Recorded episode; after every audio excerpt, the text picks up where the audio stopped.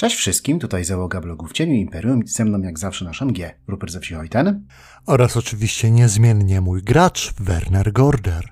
A dziś zajmiemy się dość niszowym tematem, niektórzy twierdzą, że właściwie wcale nie istnieje, mianowicie tym, jak wygląda magia arabijska i czy w ogóle w Arabii można czarować. Dokładnie, chociaż też trzeba zaznaczyć, że czwarta edycja jednak już nam tutaj troszeczkę wychodzi naprzeciw, bo ile oczywiście pełnych zasad i opisu tej części świata nie mamy, no to w nowych podręcznikach tu i ówdzie przewijają się wzmianki, nowi BNI, jakieś tam sugestie, pomysły, więc coś gdzieś tam się dzieje daleko, daleko na wyspie Albion, gdzie ludzie pracują nad tym, aby było więcej Warhammera w Warhammerze.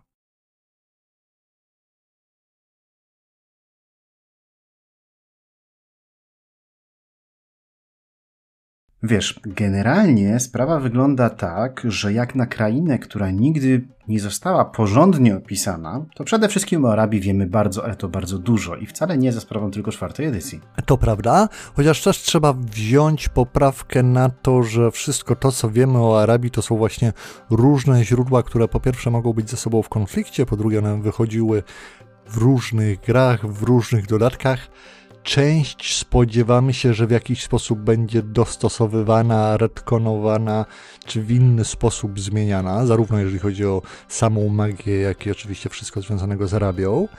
Ale no jakieś tam ruchy gdzieś w tle widać, a może porozmawiajmy o tym, o czym już się kiedyś dowiedzieliśmy, prawda, jakie podstawy tego wszystkiego były, czego się dowiedzieliśmy o magii arabijskiej, no bo jednak parę tych informacji nam gdzieś tam skapło przez te wszystkie dziesięciolecia świata Warhammera? No wiesz, przede wszystkim to wcale nie jest tak, że jest to hmm, chaotyczne, tylko jest to dość spójny system, który ma kilka konkretnych szkół nawet, można by powiedzieć.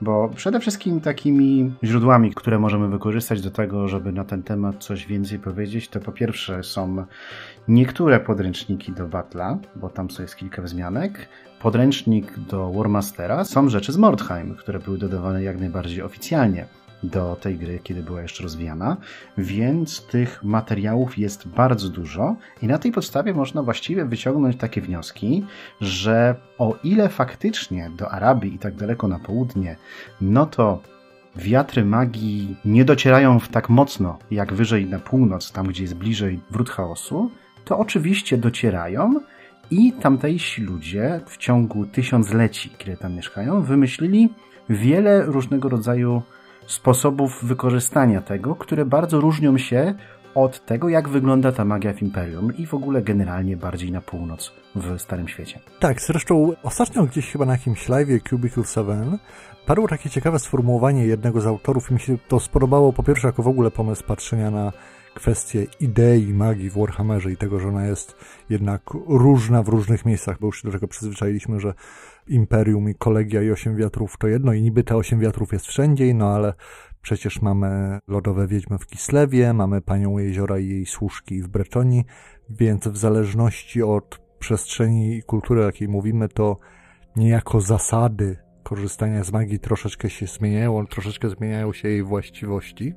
I tam padło takie stwierdzenie właśnie jednego z autorów, że oni to widzą trochę w ten sposób, że niejako świat i te krainy na swój sposób są takimi filtrami, przez które te wiatry magii płyną i w zależności przez jaki filtr, przez jaką krainę, jakie uwarunkowania lokalne osiem wiatrów sobie płynie, taki sposób ta magia się objawia, może w taki sposób można z niej korzystać, są jakieś zmienne do tego podejścia. To jest ciekawym sposobem na to, żeby na to spojrzeć, bo jeżeli... Znaczy ja uważam na przykład, że jest całkowicie bez sensu, bo to jest całkiem oczywiste, że w innych uwarunkowaniach kulturowych będziemy czerpali z innych źródeł, bo to też są inne miejsca, inaczej to działa, więc trzeba wymyślić inny sposób na działanie. Ty nie potrzebujesz nakładać na to osobnego filtra, ja się tutaj z tym całkowicie nie zgadzam.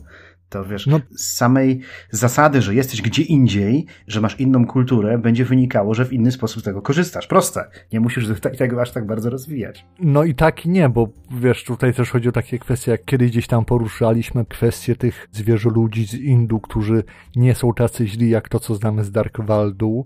Tutaj pewnie też poruszymy kwestię dżinów w dzisiejszym odcinku i frytów i podobnych, którzy z jednej strony de facto są demonami, no a z drugiej strony też nie działają do końca na tych zasadach demonów mrocznych potęg. W jakiś sposób są to odrębne byty, więc patrzenie na to właśnie na zasadzie takich filtrów czy sitek czy czegoś takiego i jak ta esencja chaosu i wiatrów magii jest przez to przeciskana, to mimo, że materiał podstawowy jest taki sam, to inaczej się objawia, inne są jego formy, no i ostatecznie też działanie, mi osobiście akurat się podoba. Uważam, że to pozwala nam na jakieś zachowanie spójności w świecie, gdzie tej spójności nie będzie z racji tego, że właśnie wszelkiej maści, wiesz, magiczne rzeczy i istoty są, było nie było, uwarunkowane na różnorakim dorobku historycznym i kulturowym naszego świata. Więc to wychodzi moim zdaniem naprzeciw takim problemom, przynajmniej trochę ale no, w odniesieniu do samej Arabii to i tak będziemy musieli czekać powiedzmy na nowe iteracje tego lore, jeżeli się kiedyś takie pojawią, no a póki co możemy starać patrzeć na stare i zastanawiać, jak to wrzucać i przycinać pod nasze Warhammery, nasze światy i nasze kampanie.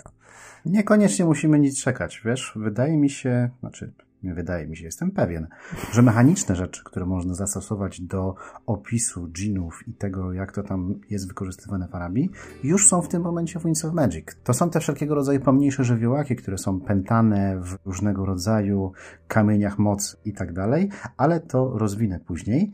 Natomiast na początek chciałem właśnie wrócić do tego głównego tematu naszego, a nie rozważań na temat natury magii i tego, jak to wygląda w różnych miejscach, tylko tego, co na pewno wiemy.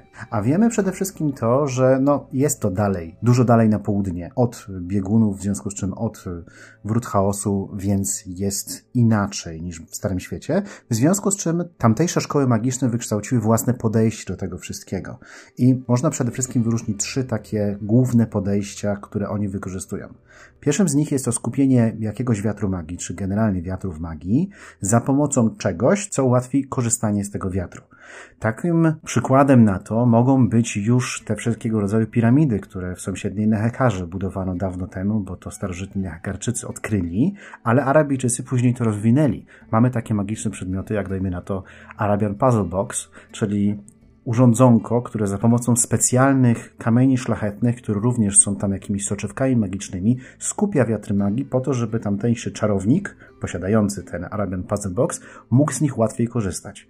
Mamy przykłady na podobne przedmioty, które służą do gaszenia albo wyciszania wiatrów magii. Mamy przykłady na specjalne soczewki, które te wiatry magii również wzmacniają, więc tego naprawdę jest sporo w tym ja zakresie. Bym, ja bym Mamy chciał drugie dodać, podejście. No. Czekaj, chciałbym tylko dodać, że właśnie w tej odniesieniu do piramid i Kemri, czy tam starożytnej Nehekary, to jak najbardziej, to rzeczywiście mamy napisane wprost w podręczniku najnowszym do Winds of Magic, że rzeczywiście w starożytnej Nehekarze zauważono, że wiatr chyż, bo o ile pozostałe wiatry magii są tam ciężko dostępne, o tyle wiatr chyż, który ze swej natury jakby penetruje wszystko i dociera właśnie nawet do najdalszych zakątków globu, jest tam spotykany. Nie jest łatwo nim się posługiwać, ale pewne struktury geometryczne, stąd właśnie piramidy, pomagają go ukierunkować i utrzymać. Stąd tak samo Kolegium Światła ma piramidy w Waldorfie,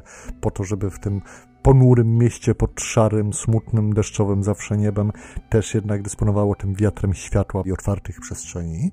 I to rzeczywiście działa ale nie jest to napisane też wprost, żeby to w jakikolwiek sposób działało na pozostałe wiatry. To jest jedna z tych szkół magii, o której mówię, mamy powiedziane, że to tak działa. Oczywiście mogą być inne sposoby na wzmacnianie, pozyskiwanie czy ułatwianie korzystania z innych wiatrów, ja nie twierdzę, że nie. Tylko tak chciałem dopowiedzieć, że w tym konkretnym przykładzie z piramidami na Hekarą chodziło o chyż.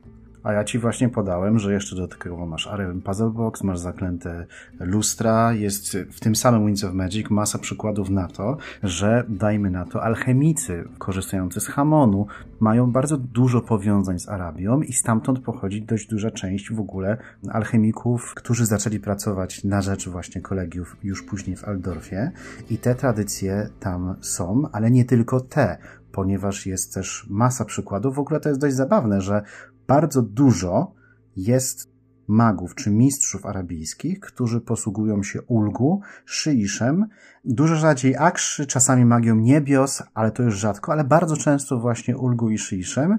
I wiesz, nie skrępowani tymi wymaganiami, że mają się zajmować tylko i wyłącznie jednym wiatrem magii, bardzo często badali kilka wiatrów magii jednocześnie, co bardzo często kończyło się ich szaleństwem, bo akurat wiemy to wszystko z tomów szalonego arabijskiego, tu wstaw nekromanty, tu wstaw wielkiego maga, tu wstaw wezyra i tak dalej. Więc tak, te wiatry też są tam dostępne, ale zakładam, że właśnie dzięki różnego rodzaju urządzeniom, które służą do ich skupiania. Ale to jest skupianie tych wiatrów, to jest jedno podejście. Drugie podejście to jest zaklinanie w jakiś sposób przedmiotów, żeby wykonywały pracę magiczną. A trzecie podejście to jest w ogóle właśnie cała osobna sztuka zaklinania dżinów. I o tych dżinach musimy coś więcej powiedzieć, bo to jest bardzo skomplikowany temat, ale to myślę po przerwie za reklamę.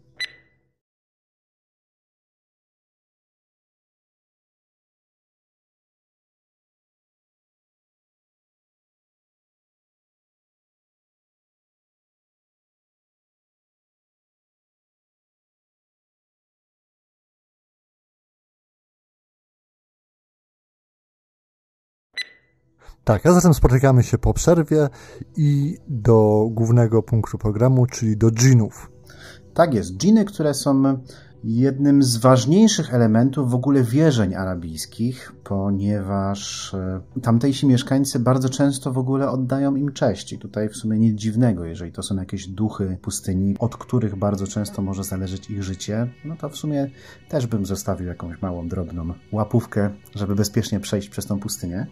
Natomiast e, jednocześnie dżiny posiadają moc magiczną i to też wszystko zależy. Zależy od tego, jaki to jest dżin, jaką ma moc, czy to jest po prostu duch pustyni, duch wiatru, duch ognia, czy jest to jakiś dżin, który może mieć własne imię, bo wspominałeś, że dżiny są demonami. No ja się nie do końca zgodzę, że są demonami, albo może powiem inaczej. Są takimi samymi demonami, jak tak zwane spites w Atelloren czy w Laurelorn też byłyby demonami, to znaczy istotami, które w świecie materialnym dzięki magii mogą się na jakiś czas zmaterializować. Ale czy Spice w Laurelorn są demonami? Czy najady w Grismerie, w Górnym jej brzegu są demonami? Nie bardzo, moim zdaniem. A ich zasada działania jest taka sama. I tak samo jest, moim zdaniem, z dżinami i z innego rodzaju właśnie ifrytami, czy tam duchami, akurat ifryty to są dżiny, które są od ognia, czy tam duchy powietrza arabijskie, które można zakląć na przykład w latający dywan, bo takie magiczne przedmioty oczywiście tam istnieją. Jeżeli są to małe dżiny, no to właśnie one będą wykonywały prostą pracę, potem odlecą. Ale jeżeli są to jakieś potężne siły, które mają własne imiona, no to jeżeli taki mag jest w stanie takiego dżina przywołać, w jakiś sposób spętać, zawrzeć z nim układ, umowę podpisać, dogadać się na jakąś służbę, obiecać mu coś za to, wynająć, bo jest taki jeden dżin, którego można było wynająć w Mordheimie, więc one mają swoje imiona, swoje własne osobowości i to one swoją wiedzą służą temu magowi albo wykonują dla niego efekty magiczne. Tak, no ale wiesz, wciąż trzeba zwrócić uwagę na to, że jako te właśnie istoty magiczne, które na planie rzeczywistym pojawiają się tylko w konkretnych sytuacjach, no bo to nie jest tak, że sobie cały czas istnieją niezmiennie w świecie rzeczywistym. Podobnie jak znane powiedzmy z Imperium jakieś pomniejsze bóstwa opiekuńcze, czy właśnie inne rusałki, najdy, czy podobne, no to rzeczywiście ta ich energia, ich jestestwo w jakiś sposób jest częścią magii. Magia, jak wiemy, jest częścią chaosu. A jednocześnie właśnie te na przykład takie ifryty czy inne dżiny nie wywołują na ludziach efektów, jakie wiemy, że wywołują demony, które często podpadają pod którąś z mrocznych potęg, chociaż niekoniecznie. Jest kwestia korupcji, tego typu rzeczy. I o ile w odpowiednich sytuacjach z dżinami to w jakiś sposób też może współgrać, tam też mogą być jakieś kwestie klątw, kwestie tego, że dżin odciśnie piętno na kimś, kto był na tyle durny, że go przyzwał, albo nie na tyle umiejętny, żeby go umieć kontrolować. Przyzwał tak, tak, dokładnie. To jednak, o ile to może być też początek właśnie drogi do nieszczęśliwego i smutnego końca przyzywającego, o tyle niekoniecznie to jest ta sama droga, która prowadzi do chaosu, przynajmniej w tej formie, w jakiej znamy chaos ze Starego Świata, z Imperium, Wielkiej Czwórki i podobnych. Więc tu bym zwrócił uwagę na to, że są jakieś zapewne rozróżnienia, których jeszcze nie do końca mamy to jakoś skodyfikowane wszystko, ale wiemy, że w jakiś sposób to się powinno rozróżniać. Same dżiny zresztą z założenia mają być też takie jednak wredne i do tego też ten klimat faustowskich umów, gdzie cyrograf może być spisany z tym dżinem i dżin go wykona co do słowa, ale jeżeli jest jakiś kluczek, jeżeli można się czegoś uczepić, można coś zrobić na złość, to pewnie z tego skorzysta. Z tego też znamy legendy, prawda, z dżinami i to ma wartość, moim zdaniem, samą w sobie, przynajmniej na potrzeby sesji, na potrzeby tego, żeby to było ciekawe i interesujące. Wprowadzało nam fabułę, no i ciekawy kontekst do tego wszystkiego. Więc, no rzeczywiście w jakiś inny sposób nam się to jednak ustawia w kontekście do tam powiedzmy ogólnej kosmologii, tej, którą mamy najlepiej opisaną póki co. Z dżinami też fajne jest to, że one rzeczywiście muszą być w jakiś sposób przykute do tego materialnego świata. Mamy kwestię tych pieczęci, kwestię tych lamp czy słoików, że one są gdzieś zamykane i są, to jest też w miarę taki znany motyw ze wszystkiego związanego z ogólnie powiedzmy przyzywaniami, okultyzmami i podobnymi, że musi być jakiś rodzaj kotwicy w świecie rzeczywistym, magiczna formuła, odpowiednie składniki i coś tam jeszcze, żeby tę moc, która nie jest z naszego świata, w jakiś sposób tutaj uwięzić, przytrzymać. No i jak dobrze pójdzie, to zmusić do tego, aby robiła to, czego od niej oczekujemy. No wypisz, wymaluj właśnie pomniejsze elementale z Winds of Magic do czwartej edycji, pętanie ich w kamieniach e, mocy. Natomiast tak, to jest moim zdaniem właśnie bardzo podobne do tego, co wiemy na temat duchów takich e, elementalnych, pomniejszych, jakie funkcjonują w innych miejscach świata. Dajmy na to w Rodianoje, w Kislewie, czy właśnie te spajce, o których mówiłem w Lasach Elfickich, najady, tego typu rzeczy. I tutaj podobnie mamy. Mamy przykłady nie tylko duchów wiatru, duchów pustyni, duchów ziemi, ale mamy też duchy nawet wody w Arabii, które można zaklinać w jakichś pojemnikach. W tych pojemnikach przechowywać i przenosić. To jest dość istotne, jeżeli ktoś by się zastanawiał, co się stanie, jeżeli dany przedmiot zostanie przeniesiony z Arabii gdzieś dalej. To tak jak najbardziej zadziała, czego dobrym przykładem jest właśnie Golden Magus z Dreadfleeta, który pływa po całym świecie, uwalniając gdzie bądź właśnie swoje schwytane w Arabii duchy wiatry, dajmy na to, czy jeszcze inny taki przedmiot, który znalazł się w Imperium, a miał właśnie zaklętego jakiegoś małego ifryta, który atakuje ludzi, bo takie coś się pojawiało w oficjalnych przygodach. Natomiast, co chciałem powiedzieć? Chciałem powiedzieć, że te dżiny, oprócz tej ich natury magicznej, mają jeszcze swój jakiś fizyczny wygląd, prawda? To znaczy, mogą wyglądać właściwie jak chcą. Mogą podszywać się pod ludzi różnych, przynajmniej tak mówią legendy arabijskie. Mogą wyglądać jak, dajmy na to, burza piaskowa, nie wiem, jakiś słup ognia na pustyni, tego typu rzeczy, więc to może być bardzo, ale to bardzo dziwne. I te przedmioty, które służą do ich pętania, mogą być no, najróżniejszego rodzaju. Były oczywiście różnego rodzaju słoiki, były właśnie jakieś kamienie, były lampy, które, uprzedzając pytanie, tak jak się potrze i uwolni dżina, to były takie lampy, które spełniały trzy życzenia, znaczy dżin zamknięty w tej lampie, ale nie za darmo. Tam zawsze była jakaś cena właśnie tego wszystkiego. I myślę, że to jest bardzo ciekawy temat i sposób przejścia do następnego elementu tego wszystkiego, mianowicie to nie jest za darmo. To zawsze jest to, co wspominałeś, jakaś właśnie umowa i cena, która może być straszna.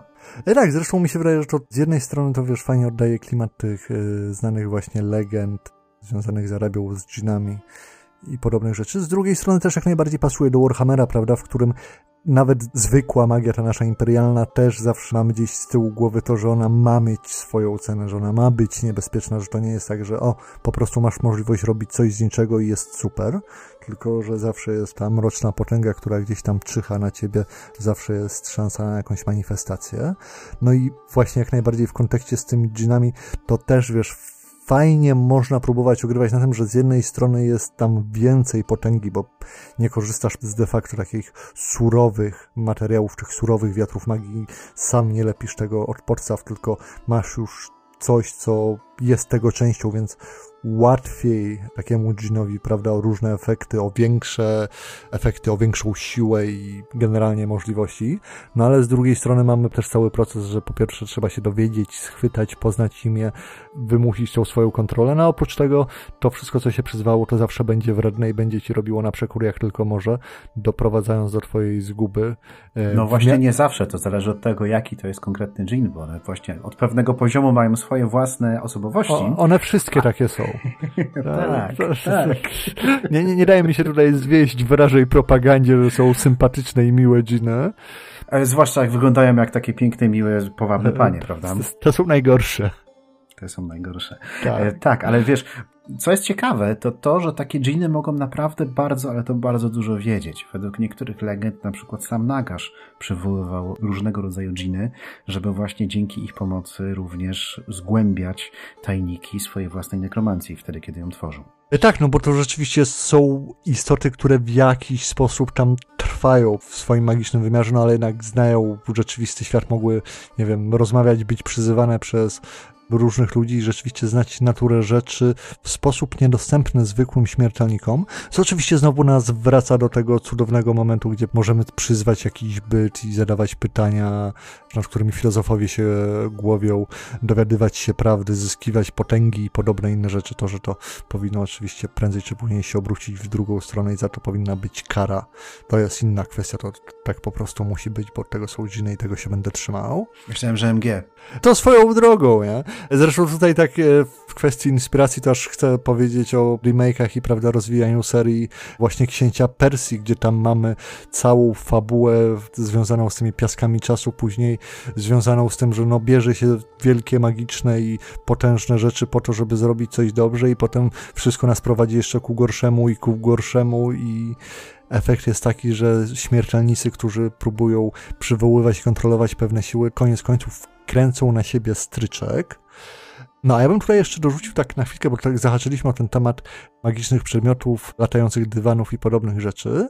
No i trzeba dodać, że to tak swoją drogą wydaje się być taką reinterpretacją run, czy to krasnoludzkich, czy to innych, gdzie pewne właściwości słowa mocy, czy właśnie pomniejsze istoty mocy, bo no, o tych dywanach latających też się wspomina, że tam są właśnie takie małe, słabe dżiny powietrza zaklęte w tych spiralach, które mają być na wzorze tego, prawda? To jest ciekawe w ogóle bardzo. Tak, więc to też jest ciekawa kwestia, wiesz, właśnie w kontekście tego, że magię niejako naginasz do swojej woli nie tyle czysto magicznym podejściem, jak znamy wśród elfów, czy powiedzmy kolegiów magii, chociaż wiadomo, że tam też są runy, rytuały i tego typu rzeczy, ale wiesz, to idzie troszeczkę bardziej właśnie w stronę takich krasnoludzkich run, czy nawet teraz głośnych, bo się pojawili w Total Warze niedawno trójce krasnoludów chaosu, prawda, którzy też w jakiś tam sposób industrialny i przemysłowy, ale jednak starają się zaklinać demony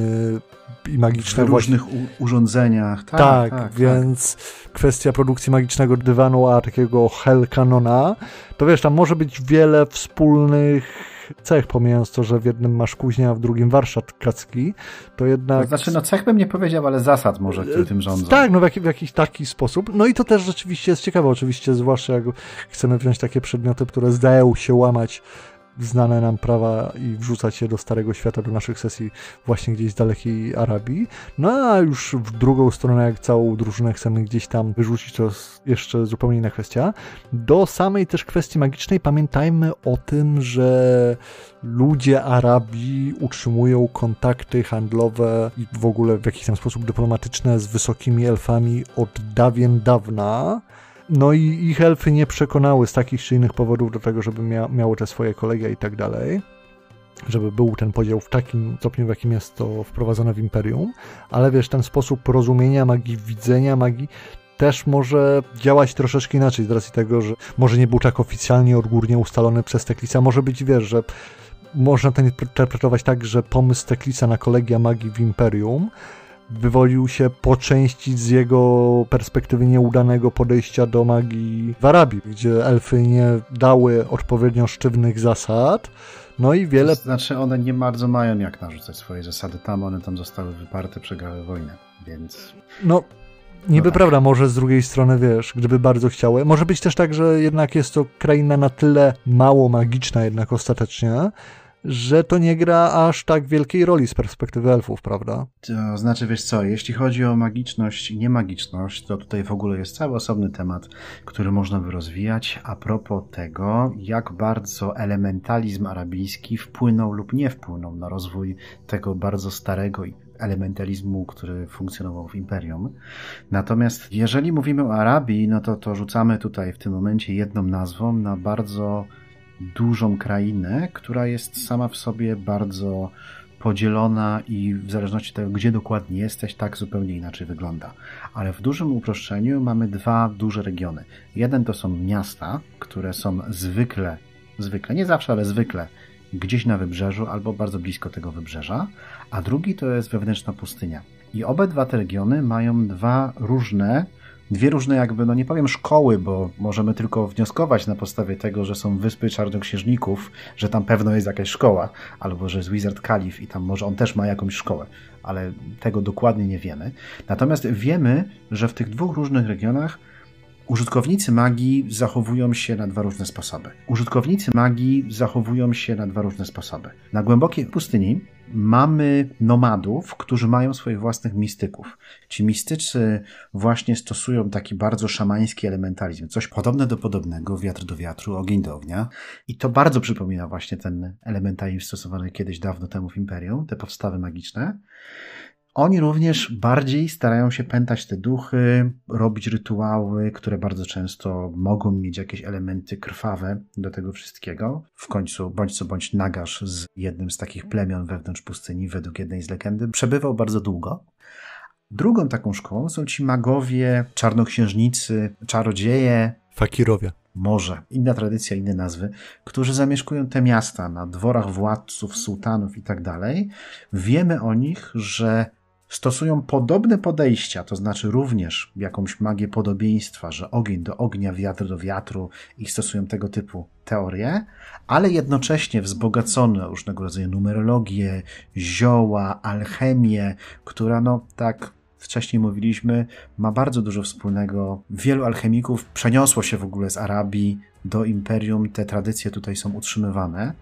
Oni również pisali te księgi tych szalonych magów, więc no, jak im to idzie, no to cóż, nie idzie im to za dobrze. Nie jest to bezpieczne podejście, nie jest to takie podejście do magii, jakie patriarcha chciałby, żeby każdy imperialny mag stosował, no ale dzięki temu mogli dowiedzieć się wielu bardzo interesujących rzeczy, które dla magów imperialnych, magów kolegialnych są niedostępne. Tak, zresztą cała kwestia urządzeń do skupiania magii, które niekoniecznie są znane w Imperium, a mogłyby się tam bardzo przydać. No tak, poza tym uczciwie trzeba też przyznać, że najpotężniejszy ludzki, jeżeli nie w ogóle, to najpotężniejszy ludzki czarodziej, no wywodził się było, nie było, prawda, z Arabii, to znaczy fakt faktem na Hekara, no ale okolice.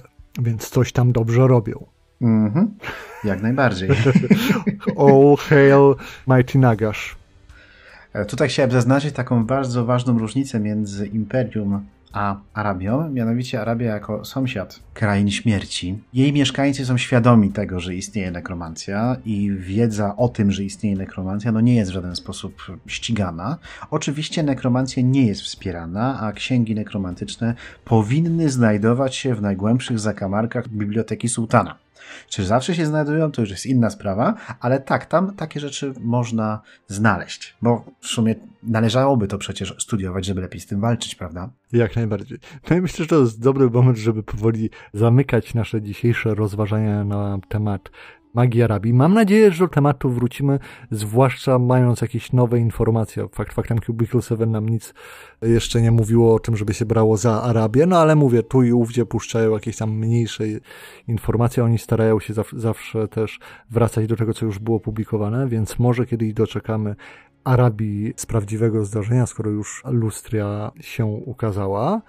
Ale może nie, więc e, w takiej sytuacji myślę, że w dość łatwy sposób można by zmienić troszeczkę te rzeczy, które znajdują się w Winds of Magic do czwartej i po prostu troszeczkę przyprawić piaskiem, słońcem pustyni i e, bryzą od e, morza.